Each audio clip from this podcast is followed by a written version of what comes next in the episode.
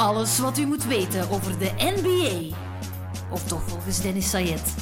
Welkom bij XNO's. Game! What you heard is what you hearing. What you hearing? It's what you hearing. Listen. It's what you hearing. Listen. It's what you hearing. Listen. X gon' give it to We you. zijn één dag voor de trade deadline in de NBA. Geruchten vliegen in het rond en er zijn ook al heel wat trades gebeurd de laatste dagen. Kristaps Porzingis naar de Dallas Mavericks, Rodney Hood naar de Trailblazers en afgelopen nacht Tobias Harris nog van de Clippers naar de Sixers gestuurd. Serieuze power move is dat van Philly. En het is nog niet gedaan, hè. ik hoop daar toch ergens op, want ik ben heel benieuwd naar welke ploegen nog iets gaan doen. Het is alleszins al genoeg materiaal om een hele podcast mee te vullen, maar daar gaan we niet mee beginnen. We gaan wel beginnen in de G-League, want ik heb een deel van onze Belgische NBA-hoop aan de lijn hangen. Retin Obashan van de Northern Arizona Suns. Dag Retin. Dag Dennis, va? Zeker, hoe is het met jou? Op het gemakje, het gemakje. Uh, gewoon hier aan het, uh, om te wachten voor alleen we vertrekken naar Memphis. Memphis voor de hoeveelste wedstrijd al dit seizoen? Is het 35 of zo bij jullie? Uh, ja, 35. Oh, voilà. mooi, mooi juist gegokt ook nog. En hoe is het daar met jou? Want heel lang geleden dat ik je nog eens deftig gehoord heb, dus heel leuk je nog eens te horen. Het is dat. Het was uh, denk ik ja, voordat ik zelf was vertrokken. Dus uh, is ondertussen al een paar maanden geleden. Er, is, er is ondertussen veel gebeurd. ik heb mijn, de rest van mijn revalidatie verder gezet in Arizona. En um, dat was eigenlijk wel een zeer goede beslissing, want dit was echt een organisatie die heeft blijven investeren in mij. Mij de, voldoende tijd heeft gegeven om te laten revalideren, te laten rusten, erin te laten komen. En, uh, en ja, nu ga ik letterlijk van niet spelen. De eerste wedstrijden dat ik ben het revalideren tot uh, de laatste paar wedstrijden ik, ik nu aan het starten. En, uh, dus ja, er is, er is veel gebeurd in de afgelopen maanden. Ja, ben je fysiek weer helemaal in orde? Fysiek ben ik helemaal in orde, klopt. Maar ja, het is gewoon blijven spelen, mijn ritme terugvinden. En, uh, en ja, gewoon al die, al die kleine toestanden. Hè. Ja, vertel eens, hoe is het daar gegaan eigenlijk? Want je bent daar aangekomen in oktober, als ik me niet vergis. Ja, klopt, in oktober. En dan, ja, in het begin was je nog niet helemaal in orde fysiek. Hè? Dus hoe is dat precies gegaan, die, die eerste weken in, uh, in Arizona? De eerste weken waren moeilijk. Dus, uh, omdat ik ja, niet veel kon doen. Um, dat is ook aanpassen, omdat uh, qua, qua elevation zat daar enorm hoog. Dus is dat letterlijk echt in de bergen. Dus uh, de eerste paar weken was het moeilijk, omdat ja, België dat zeeniveau. Dus um, gewoon het ademen, trainen, uh, aanpassen aan het klimaat. Um, dan aanpassen aan uh, manier van het spelen. onze defensieve principes en zelfs aanvallen zijn compleet anders. Dus er was heel veel dat ik moest leren op, op een korte tijd. Maar daarom ben ik eigenlijk zeer dankbaar dat de coach mij onze playbook heb gestuurd in de zomer, wat heeft mij eigenlijk echt enorm geholpen. Eenmaal dat ik terug begon te spelen, had ik al tot een zekere zin een, een bepaalde begrip voor zijn systeem en hoe dat hij wil spelen. Dus de eerste, eerste paar weken was enorm aanpassen. En dan was het allemaal alles een beetje bijschaven, conditioneel, terug in spelritme komen, mijn ploegmaten leren kennen, zien en zoeken waar in ons systeem ik het meest effectief kan zijn, waar dan een ploegmaat het meest effectief kunnen zijn. Dus uh, het, was, ja, het was een enorm leerproces. En hoe lang heb je nodig gehad eigenlijk om daar weer, ja, om dat gewoon te worden daar, om je echt ja, bij de ploeg te voelen? Um, ja, om, ik zou zeggen om bij de ploeg te voelen, dat was, dat was eigenlijk echt bijna uh, helemaal ik hier aankwam. Uh, dat was echt een zeer, zeer goede groep van gasten. Allemaal, allemaal allemaal leuke mannen. Uh, allemaal echt hilarisch. Bepaalde figuren zelfs. maar uh, dus op zich, in termen van mijn eigen comfortabel voelen met de ploeg, uh, aftercourt, was eigenlijk bijna onmiddellijk. maar ik zou zeggen, het, het leren, spelen met die mannen, um, dat heeft even geduurd. Gewoon omdat ik ben een andere type pointguard en dat zij, dat ze gewoon zijn. Dus dat waren zo van die kleine dingen dat zij aan moesten passen, ik mij aan moest aanpassen. En uh, ik denk dat wij ja, stilletjes aan samen zijn aan het groeien. En wat heb je dan vooral zelf moeten veranderen als point guard? Um, ik zou eigenlijk zeggen, niet noodzakelijk veel veranderen. Um, ik doe wat ik het beste doe. En voor mij was het meer, was het meer, meer beseffen en realiseren op welke momenten ik moet doen wat ik doe.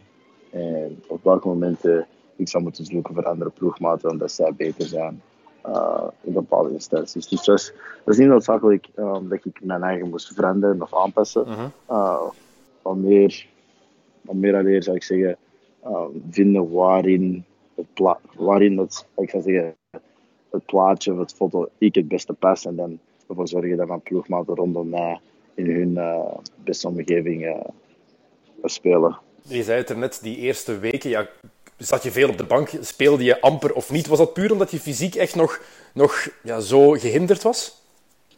Um, ja, als, je, als je acht maanden uit bent, je, je hebt niks van conditie gedaan, dan uh, denk ik niet dat het verstandig is om uh, de eerste week drie direct 30 minuten te spelen. dus uh, de eerste paar weken, en vooral ook omdat we wel spelen. Dus omdat wij drie tot vier keer per week spelen, heb je niet veel training. Dus zeker als je uit bent geweest voor zo lang, heb je juist veel training nodig. Want we hebben dat niet. Dus conditioneel was het ook moeilijk om direct uh, alles op peil te zetten. Omdat, ja, wij hoe, hoe heb je dat dan gedaan eigenlijk?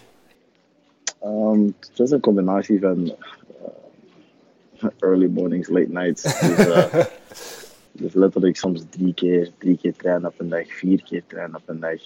Um, moeten naar de zaal gaan voordat de hele ploeg eraan komt om ervoor te zorgen dat ik conditioneel kan trainen. Dan met de ploeg trainen. Dan vroeger komen na de wedstrijd, nog eens trainen. En dan met 20 minuten spelen tijdens de wedstrijd. En dan na de wedstrijd blijven wat shotjes trekken. Dus um, het was gewoon, het was een beetje zoeken. Omdat um, toen, ik, toen ze me voor het eerst actief hadden gezet, was ik op uh, restricties. Dus zeiden ze van ja, je mocht max 2 3 minuten spelen per kwart. Dus wat ik eigenlijk, eigenlijk zeer slim vond, want dat is, dat is gewoon normaal. Als je heel lang uit, uit geweest, moet je weg. Dus je er stilletjes aan terug inkomen. Dus de eerste paar weken, zelfs denk ik twee maanden, was ik op, uh, op restricties. En dan was dat twee, twee minuten per kwart. Dan werd dat drie minuten, dan werd dat vier minuten, en vijf minuten. Um, dan werd dat drie en drie in dezelfde kwart, vier en vier in dezelfde kwart. Dus dat was zo stilletjes aan. Um, waar we gewoon het opbouwen totdat uh, mijn conditie op peil kwam, uh, mijn, lichaam, mijn lichaam het aankom.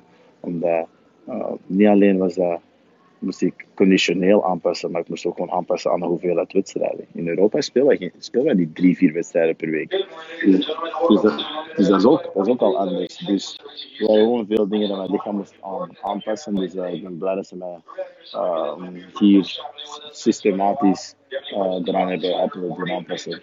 Het klinkt wel alsof je je lichaam serieus gepusht hebt, man. En dat na een blessure van acht maanden. Dat kan niet even gezond zijn altijd, hè? Uh, nee, uiteraard niet. Maar daar, ja, maar daar hoort het, uh, het zelfkennis uh, bij te komen. Dus ehm, ik ben heel aandachtig aan mijn lichaam en, en, hoe dat ik mij voel. En ik, ik luister ook heel aandachtig naartoe. Dus ehm, het is ook zeer slim dat als, is een balans. Dat is een beetje een balans zoeken van oké, de dagen dat ik me goed voelde, kan ik een beetje meer doen. En dan zien we dat, ik, dan zien we dat mijn lichaam reageert de volgende dag. Uh Reageert dat positief en weet ik van oké, dit is een bepaald niveau dat mijn lichaam is. Ik kan er nu verder op bouwen. Als mijn lichaam nu negatief erop reageert, dan besef ik van oké, ik ben daar nog niet. Oké, wat moet ik aanpassen? Hoe kan ik mijn lichaam helpen? Hoe kan ik dat trainen? Uh, en van daaruit gaan. En dan zorg je dat um, wanneer de uh, spelers vertrekken naar training, ik blijf een beetje langer om samen met de kinderen te werken, een massage te krijgen, een ijsbad te krijgen. Um, dus het waren allemaal de kleine dingen uh, dat je meestal niet ziet en mij wel hebben geholpen om zo snel mogelijk uh, terug op hoog niveau te kunnen terugkomen. En het is heel duidelijk, je bent op niveau. Hè? Als, we, als ik alleen al kijk naar die, die match die je, wat was het, vijf dagen geleden, vier dagen geleden tegen de Stockton Kings gespeeld hebt. Um, game winner, ah, ja, game-winning basket eigenlijk van jou. Je hebt je ploeg op voorsprong gebracht. 24 punten, 6 rebounds, 5 assists, 3 steals, 1 blok. Ja, lekker. ja, gewoon op het gemak Ik probeer wat te doen wat, ik probeer wat te doen wat ik, wat ik kan doen. En, maar heb je het gevoel dat je nu vertrokken bent? Dat je nu echt denkt van, oké, die blessures zijn weg. Um, ik heb stats neergezet. Uh, ik heb een basisplaats te pakken nu. ik laat zien wat ik kan, heb je nu echt het gevoel van oké, let's go. Nu eh, kan ik echt, echt beginnen gaan. Ah, ik heb altijd wel dat gevoel gehad. Um, en ik denk, ik, denk wel, ik denk wel dat je dat wist. Hè. Zelfs toen ik uh, bij je thuis de, vorige podcast heb opgenomen, dat, uh, dat zelfs in, in, het midden van een blessure en, en niet kunnen spelen, dat ik toen al een mentaliteit had van eenmaal dat ik hier kom, dan weet ik, ik weet wie dat ik ben, ik weet wat ik kan doen. En, uh, er zijn niet veel mensen die mij kunnen, uh, die, die mij kunnen stoppen. Dus um, voor mij is dat meer, is dat, voor mij is dat nu meer zoiets van, oké, okay, nu zien jullie gewoon wat ik zie. dus, um, het is, gewoon, het is bevestiging wel, eigenlijk meer. Ja, het is meer, het is meer bevestiging, maar um, tegelijkertijd ben ik niet waar, ik, wil, waar, ik, wil zijn. Dus uh, ik ben nog altijd elke dag beter aan het worden. Er is nog heel veel dat je kan leren. Um, qua het systeem hier. Um, hoe dat ik zelfs nog meer efficiënter kan zijn. Hoe dat ik nog beter kan spelen.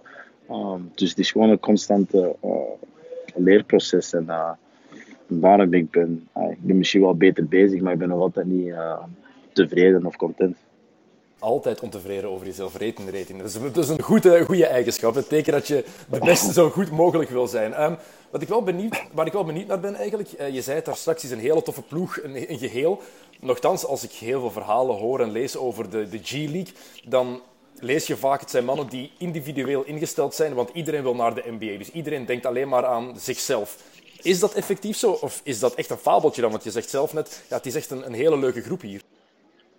Ja, het is, een beetje beide. Uh, en je kunt, je kunt het, uh, je kunt het er zelfs niet eens kwalijk nemen. Want als je erbij nadenkt, je kunt juist hetzelfde zeggen over spelers die in de tweede klasse spelen.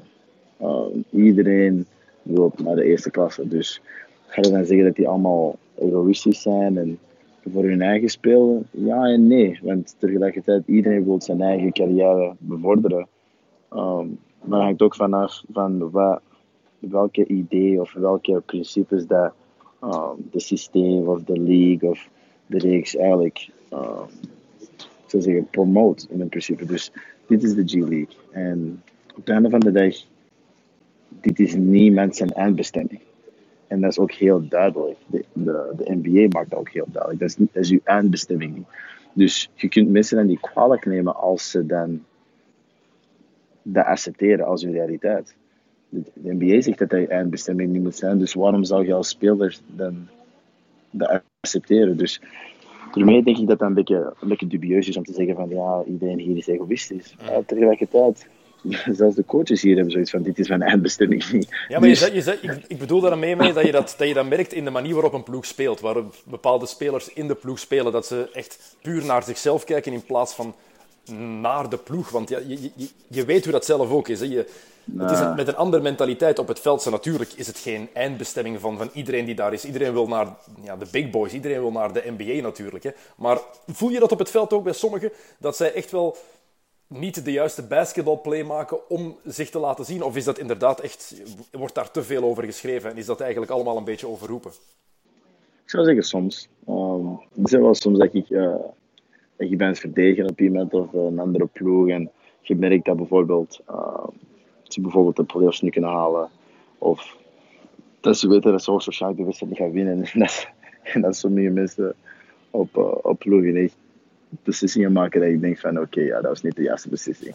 Maar, maar ja, dat hoort erbij. Hè. Dus um, ik, denk, ik denk ook dat um, het ding met de is, je heel veel jonge spelers. En uiteraard met heel veel jonge spelers komt uh, ja, ze moeten, gewoon, ze moeten gewoon beter leren. Ze weten niet beter. Ze komen van college, ze komen van Eendert waar, ze hoogstwaarschijnlijk de, de beste speler waren.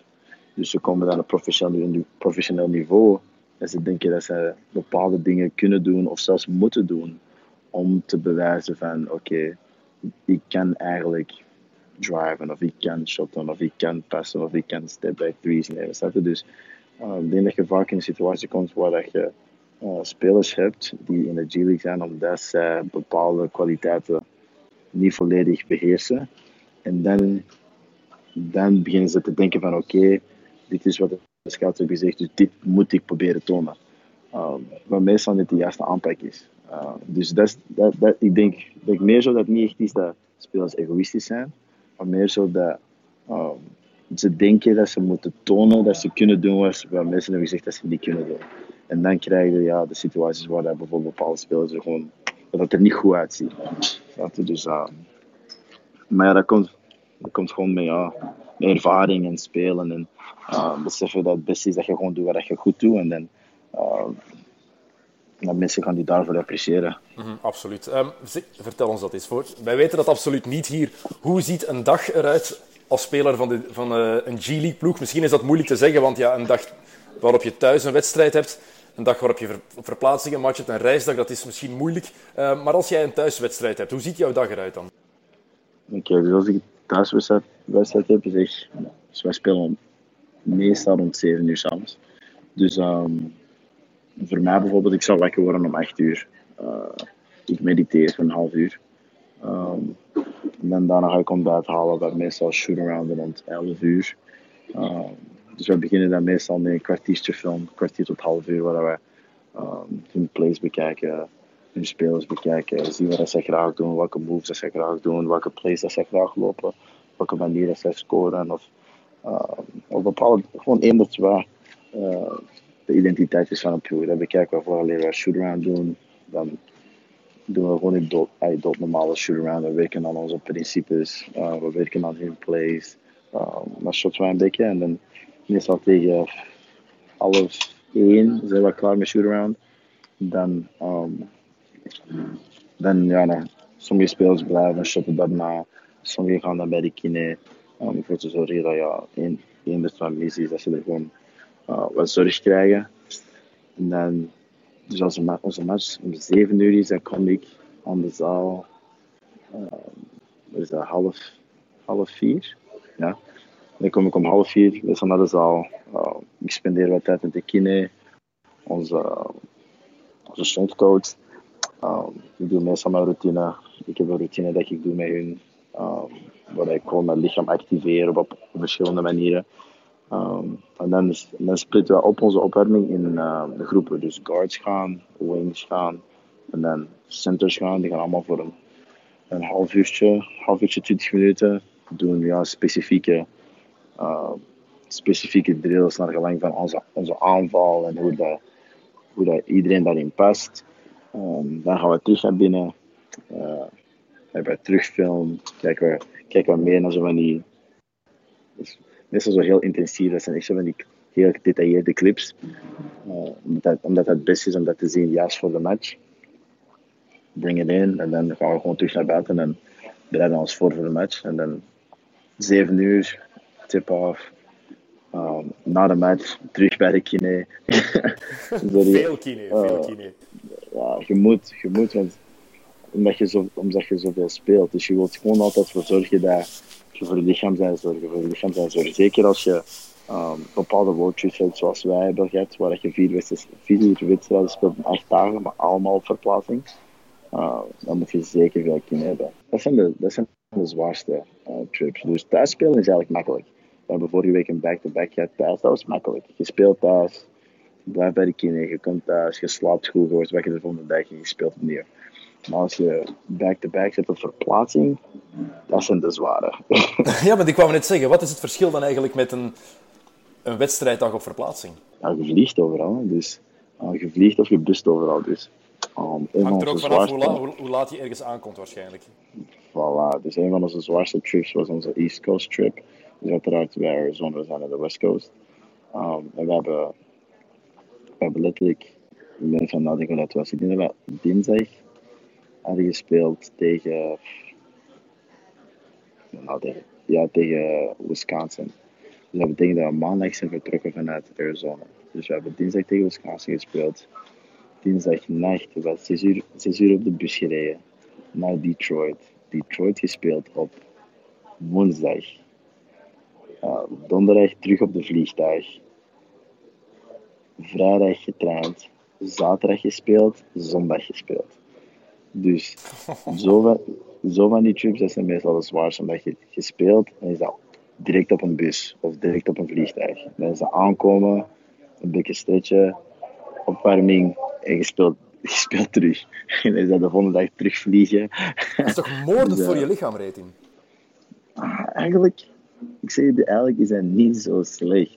Um, maar de enige manier dat dat moordend is op je lichaam, is als je niet voor je lichaam zorgt. Ja. Uh, en, en, ik denk dat, dat datgene is dat veel mensen vergeten, is dat je lichaam kan eigenlijk heel veel aan.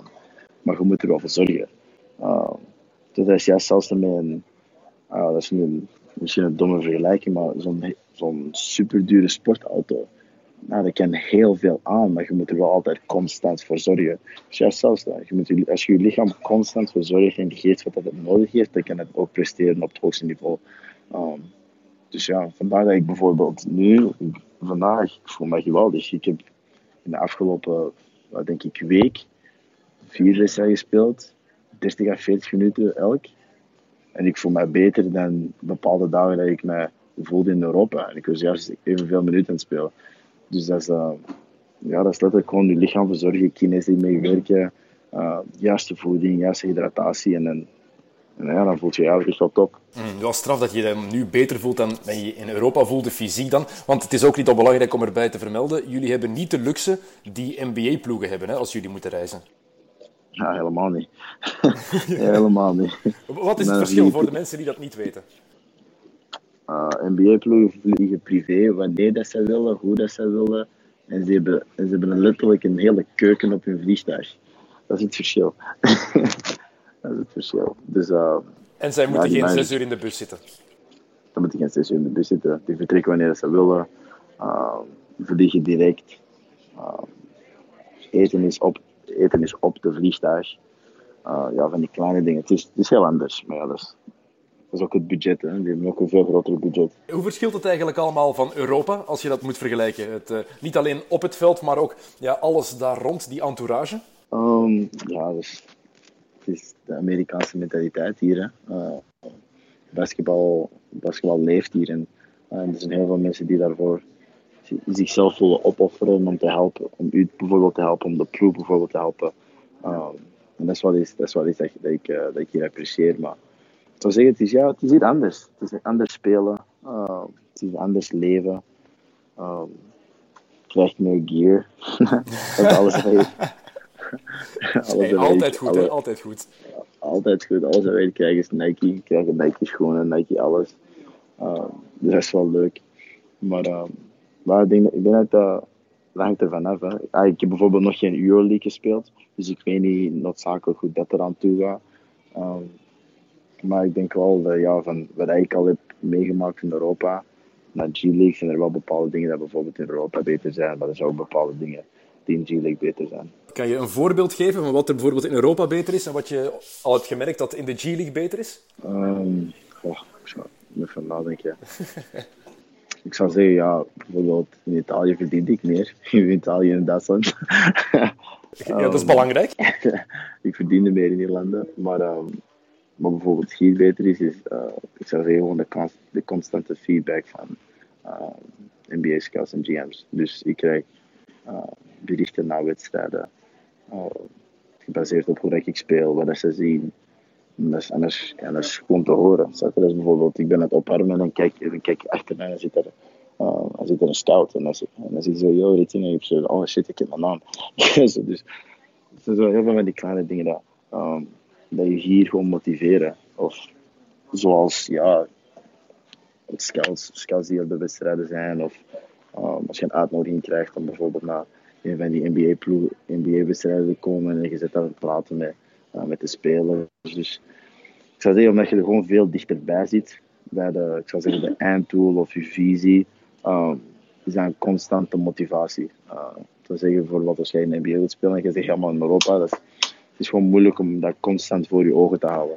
Uh, dus op dat vlak is dat wel beter om hier te zijn. Heb je al veel contact gehad eigenlijk met NBA-ploegen? Um, ja, ik niet direct. Maar hier en daar wel met wat scouts en wat GM's. Mijn agent, uh, die houdt zijn eigen mee, mee, bezig. En kan je iets zeggen van, er, er is iets concreets dat eraan komt, of is dat nog veel te vroeg?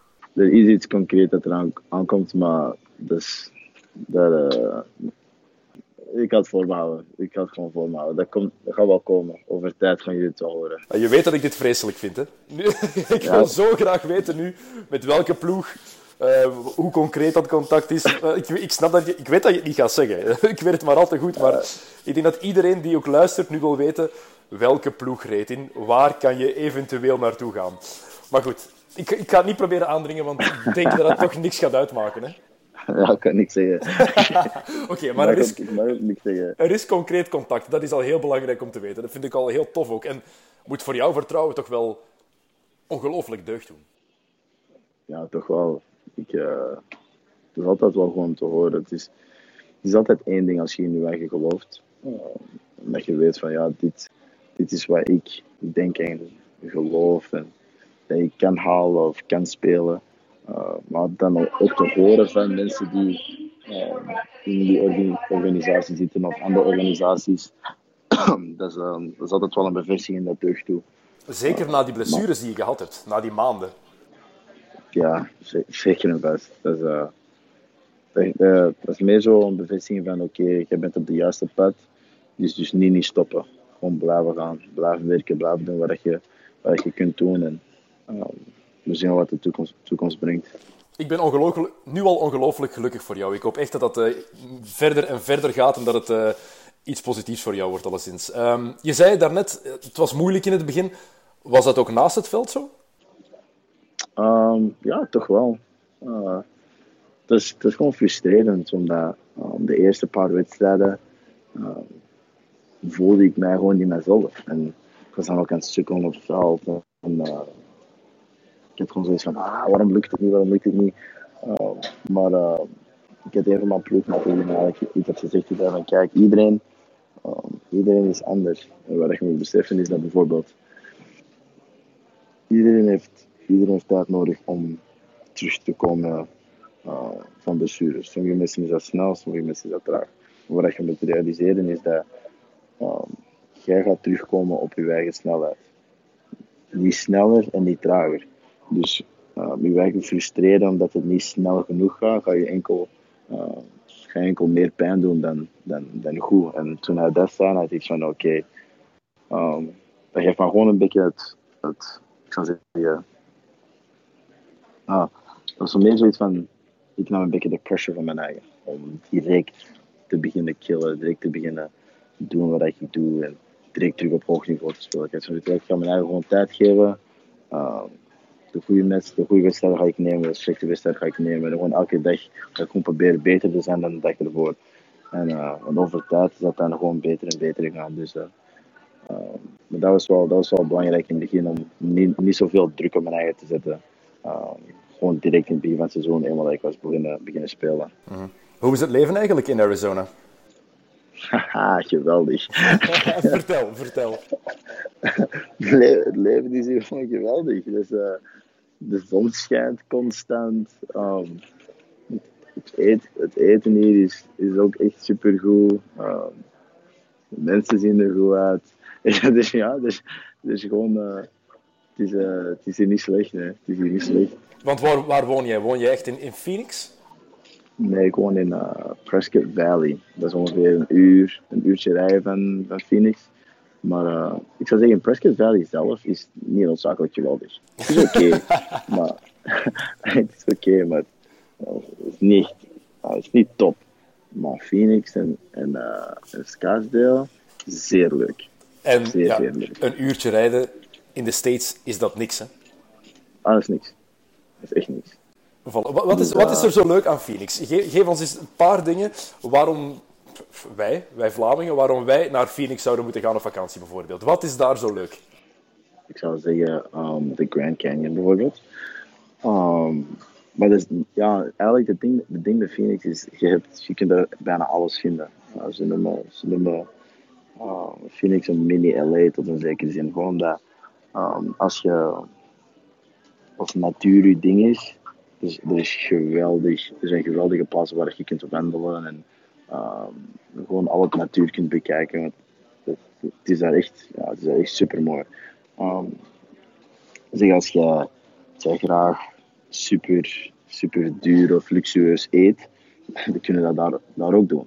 Um, als je een golfliefhebber hebt, er zijn daar honderden golfresorts. Je kunt daar overal golfen.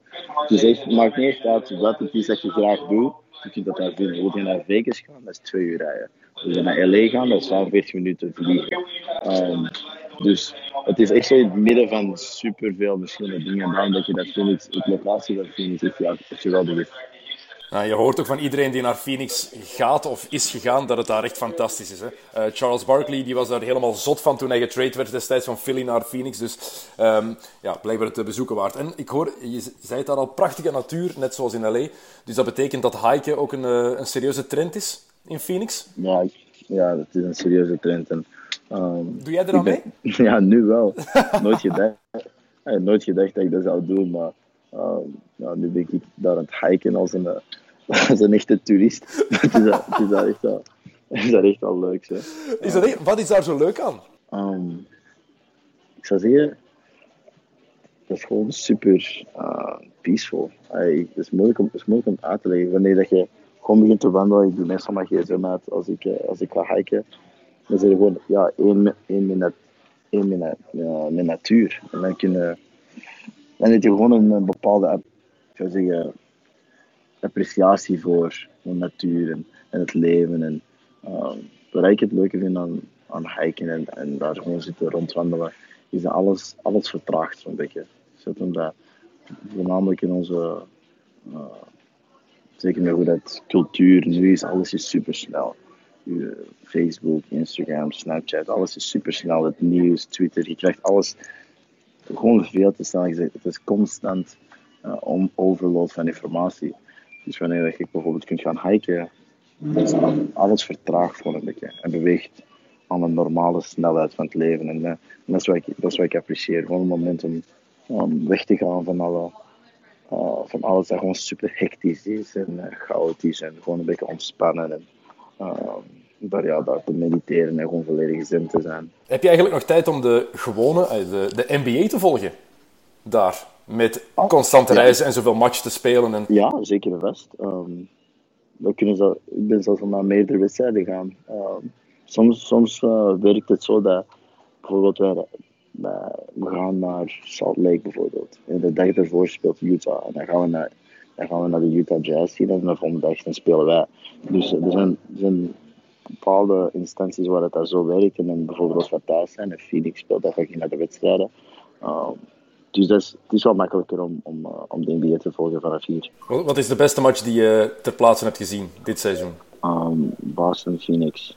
In Boston is toen Kyrie, um, ik denk dat 38 of 43 had. Match tussen Boston en Phoenix die werken eigenlijk altijd. Dat is altijd plezant. Devin Booker heeft daar twee jaar geleden 70 punten gescoord. Um, morgen is de trade deadline, want we nemen dit op op uh, woensdagavond hier voor jou uh, middag, want het is 7 uur vroeger voor jou natuurlijk.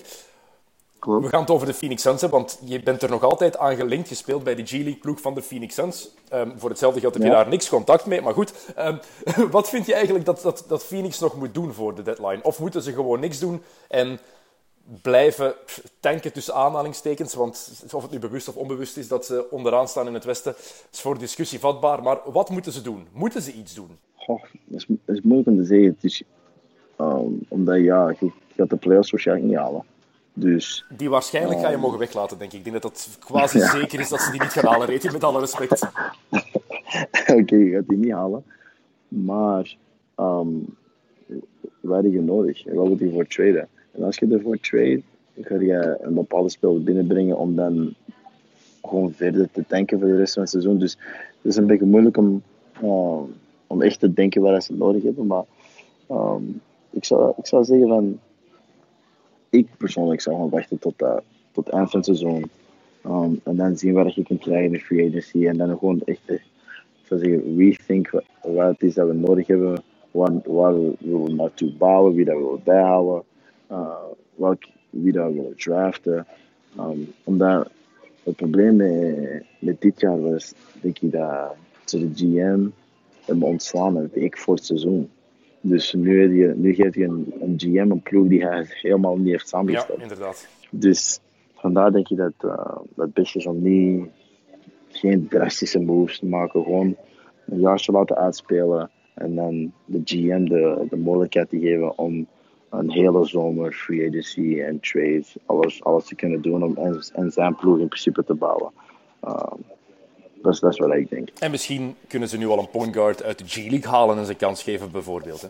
Bijvoorbeeld. Ja, ja klinkt, klinkt als een slecht idee. um, er zijn al een paar trades gebeurd hè, de afgelopen dagen. Uh, de opvallendste, natuurlijk die van Kristaps Porzingis, die vertrokken is naar de Dallas Mavericks. Wat was jouw eerste reactie toen je dat hoorde? Um, eigenlijk ik kijk er echt naar uit om, de, om Luca en, uh, en Porzingis samen te zien. Ik denk, ik denk dat dat plezant basketbal gaat zijn. Het gaat, als, als Porzingis weer fit raakt, kan dat fantastisch worden. Hè? Ja, ik denk echt dat dat leuk kan worden. De vraag is, gaat hij ooit helemaal weer fit geraken? Dat is de grote vraag, hè? Um, ja, ik denk dat wel. Ik denk dat er geen twijfel, geen twijfel aan is. Um, ik, heb gehoord, ik heb gehoord um, de kenners die hij mee werkt, de trainers die mee hij werkt, zijn echt, echt topniveau. Dus uh, als, als, hij niet, als hij niet top, hij niet terug aan uh, topfitness geraakt, dan gaat niet, gaat niet zijn vanwege de, medische staf die, uh, die hebben aan samenwerken. Het is puur zijn lichaam waar ik wat zorgen over maak. Het is niet de eerste blessure natuurlijk die hij ook heeft. Um, hij is niet alleen naar Dallas gegaan, ook Tim Hardaway Jr. is uh, meegegaan met Christos Porzingis van New York. Maar het ding waar iedereen over praat natuurlijk, is ja, de beslissing van de Knicks om Porzingis te traden. Snap je dat? Dat ze hem hebben laten gaan? Eigenlijk niet. Maar dat is, dat ook het ding met, uh, dat je beseft aan de, aan de NBA hier, is dat 95% van de beslissingen ga je echt niet begrijpen. Tenzij dat je in de kamer zit samen met de mensen die de beslissingen maken. Want, want er is gewoon zoveel dat er, dat er te maken mee heeft dat wij als mensen aan de buitenkant, dus we gaan nooit volledige kennis hebben of kunnen begrijpen waarom dat ze bepaalde beslissingen maken. Dus waarom dat er niks hebben gedaan, heb ik ik heb daar geen idee. We hebben een vermoeden, hè? Kyrie, Kyrie Irving en Kevin Durant. Daar zouden ze voor willen gaan, want ze hebben nu meer dan 70 miljoen cap space voor deze zomer. Dat is een, dat is een lekkere zak geld.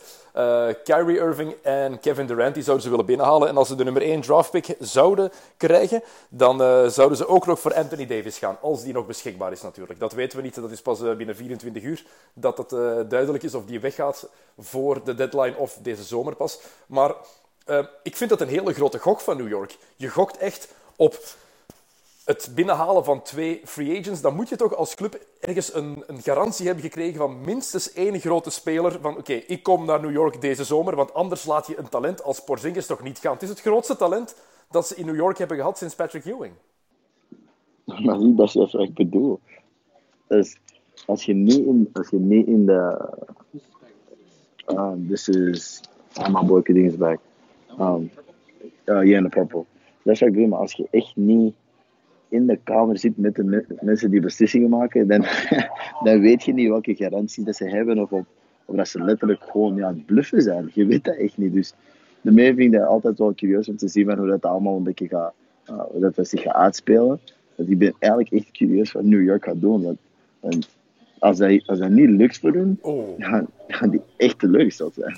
Teleurgesteld is een, is, een klein, is een klein woord. Ze gaan gewoon afgeslacht worden. En terecht, hè. Laten we even eerlijk zijn. Als ze nu niemand groots binnenhalen en ze hebben Porzingis laten gaan, dan mogen ze met de grond gelijk gemaakt worden. Dat is gewoon... Eh, ik vind dat logisch dan. Ja, we zullen, we zullen zien hoe dat gaat, hoe dat gaat werken voor hen. Maar ik ben... Uh ik ben benieuwd. Ik ben benieuwd om het te zien. Oké, nog twee korte, korte dingetjes, want dan ga ik je laten vertrekken. Want jij moet zo meteen uh, boorden naar uh, richting Memphis. Uh, Tobias Harris vannacht naar Philadelphia. De Clippers die interessante draftpicks hebben gekregen. Onder andere die van Miami in 2021. Dus de Clippers die vol voor de free, free agents gaan deze zomer. Hoogstwaarschijnlijk. En dan nog heel wat draftpicks hebben binnengehaald. Maar Philadelphia, ja, weer een aflopend contract, een expiring dat ze binnenhalen na dat van Jimmy Butler. Het is heel duidelijk, power move van Philly. Zij gaan al in om dit jaar het Oosten te winnen. Ja, dat is, dat is heel duidelijk. Dat is letterlijk heel duidelijk. Voornamelijk omdat Tobias er gisteren, denk ik, 35 uh, in giet. En een game winner. Uh, en een game winner en dan vandaag is hij getrade. Zo van die kleine dingen, die kleine dingen bedoel ik mee. Dus, ay, logisch gezien zou er niet iemand traden die er net 35 in een game weer heeft gescoord. Maar je weet niet wat er aan toe gaat in die, in die bodem. Als het beter is Dus, voor de eh, toekomst van de club, dan is het allemaal mogelijk natuurlijk. Hè. Denk jij dat het gaat werken trouwens Oh. bij Philadelphia, die combinatie? Want je hebt nu een starting five van op, die op papier best indrukwekkend is. Ben Simmons, J.J. Redick, ehm, Jimmy Butler, Tobias Harris, Joel Embiid. Alsjeblieft. Dat is veel, hè? Gaat dat werken? Dat is veel. Eh, ik denk dat wel.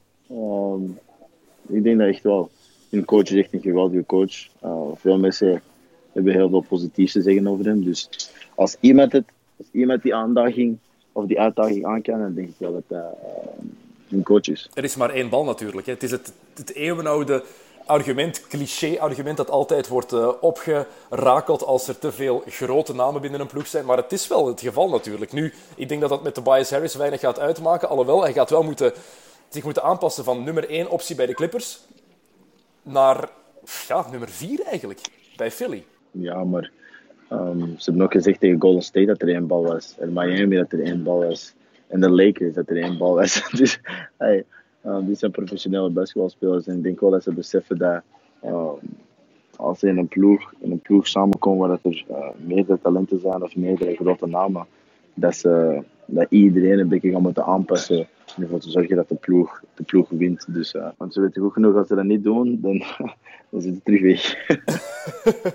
Ja, we hebben gewoon al wisselend succes gezien als het over superteams gaat. Over ploegen waar veel grote namen staan. Die zijn net eh, Miami en Golden State. Daar heeft het fantastisch gewerkt. De Lakers, ja, Steve Nash, Dwight Howard en Kobe was niet de beste combinatie natuurlijk. Of met Shaq, Karl Malone, Kobe ehm, en Peyton. Het is wisselend succes. Ehm, laatste ding, dan ga ik je laten. Want eh, jij moet zo meteen echt vertrekken. Anthony Davis. Eh, gok, wat gaat ermee gebeuren? Blijft hij bij de Pelicans tot deze zomer? Ehm, of gaat hij naar ja, de Lakers? Want de- ze hebben echt belachelijk veel aan de Lakers gevraagd. De Lakers hadden een voorstel gedaan dat redelijk sterk was, maar ze wilden meer. Ze wilden, wat was het? Minstens vier draftpicks. Ja, dat is echt. Toen ik het gezien met de Pelicans vroeg, ik zei van, kom maar, hey, nou zijn het overdrijven. maar eh, waar dat ik heb gehoord, en ik weet niet of dat, dat waar is, maar wat ik heb gehoord is dat als, eh, als ze geen deal kunnen vin- vinden met de Lakers, potentieel eh, AD en KD samen naar de Knicks gaan. Maar Anthony Davis heeft toch wel een contract tot de zomer van 2020. Hè? Dus hij kan deze zomer nog niet zelf kiezen. Ja, maar dat is, ah, dat is gewoon wat ik heb gehoord. Maar we zullen, we, zullen zien, we zullen zien wat er gebeurt. Maar dat is wat ze, wat ze blijkbaar zijn aan het zeggen. Hij, hij wil naar de Lakers, maar als dat niet werkt, uh, dan zou potentieel naar de Knicks kunnen gaan met KD. En misschien Kyrie als ze dat kunnen regelen. Maar Zou jij het, Nee, ik weet- zou jij het aangenomen hebben, het voorstel van, eh, van de Lakers als jij de Pelicans bent? Een voorstel met Lonzo Ball en Kuzma en Ingram en Lance Stevenson en wie zat er nog bij? Eh, Rondo zat erbij, ik denk zelfs McGee en twee eerste ronde draftpicks. Dat was hun voorstel, blijkbaar. iedereen, iedereen zat erbij. Dat is letterlijk gewoon de hele ploeg. Maar ehm, ik weet niet of ik die voorstel zou hebben aangenomen. omdat Ik weet niet welke andere voorstellen dat ze hebben. Ik weet niet meer welke andere ploegen ze zijn aan het praten. Want ik denk dat, ik denk dat Boston ook in de... Is, is Boston ook in de kijker? Ja, maar dat mogen, dat ze pas vanaf deze zomer doen om, door het contract van Kyrie Irving. Ze kunnen enkel Davis naar Boston traden voor Kyrie, totdat Kyrie zijn contract zou verlengen, eh, een nieuw contract zou tekenen. Daarom kan hij nog niet naar, Ja. naar Boston op dit moment. Oké. Dus ehm, als ik de Pelicans zou zijn, zou ik echt mijn tijd nemen. Omdat, eh, ja, mijn tijd nemen, maar tegelijkertijd ook niet mijn tijd nemen. Want eenmaal dat die een unrestricted free agent zijn, ze hem kwijt voor niks. Ja, Dus, voilà, voilà, inderdaad. Ehm, dus, maar ik zou echt wel wachten om te zien van oké, wij, is, wij is de beste optie om ehm, het meeste waarde te krijgen voor AD, maar tegelijkertijd hem weg te sturen naar een conference waar dat wij niet noodzakelijk tegen hem moeten spelen. Dus ik denk dat zijn alle kleine dingen dat je als een GM eh, moet, aan, moet over nadenken. Maar ai, ik, hoop, ik hoop gewoon dat ze de beste beslissing maken voor eh, de speler en de organisatie. Oké, goed, Retin. Ehm, je speelt vrijdagnacht tegen de Memphis Hustle om Klopt. 1 uur s'nachts onze tijd, als ik me niet vergis. 6 uur s'avonds daar. Live te zien op YouTube is dat denk ik in België. Facebook Live ook, maar ik weet niet of dat in België te zien is, alleszins. Ehm, ik wens je alle succes. Ik hoop dat eh, die basisplaatsen blijven komen. En ik ben echt ongelooflijk curieus naar eh, welke ploeg je al contact mee hebt. Ik ben echt heel curieus, heel curieus. En ik hoop dat ik het er nog uit ga krijgen voor het officieel bekend is. Misschien, we zien wel. Oké, Retin, bedankt om even tijd te maken voor mij. En eh, hele goede reis en succes tegen, tegen Memphis. Hè. Nee, nee, dankjewel. Merci Chris.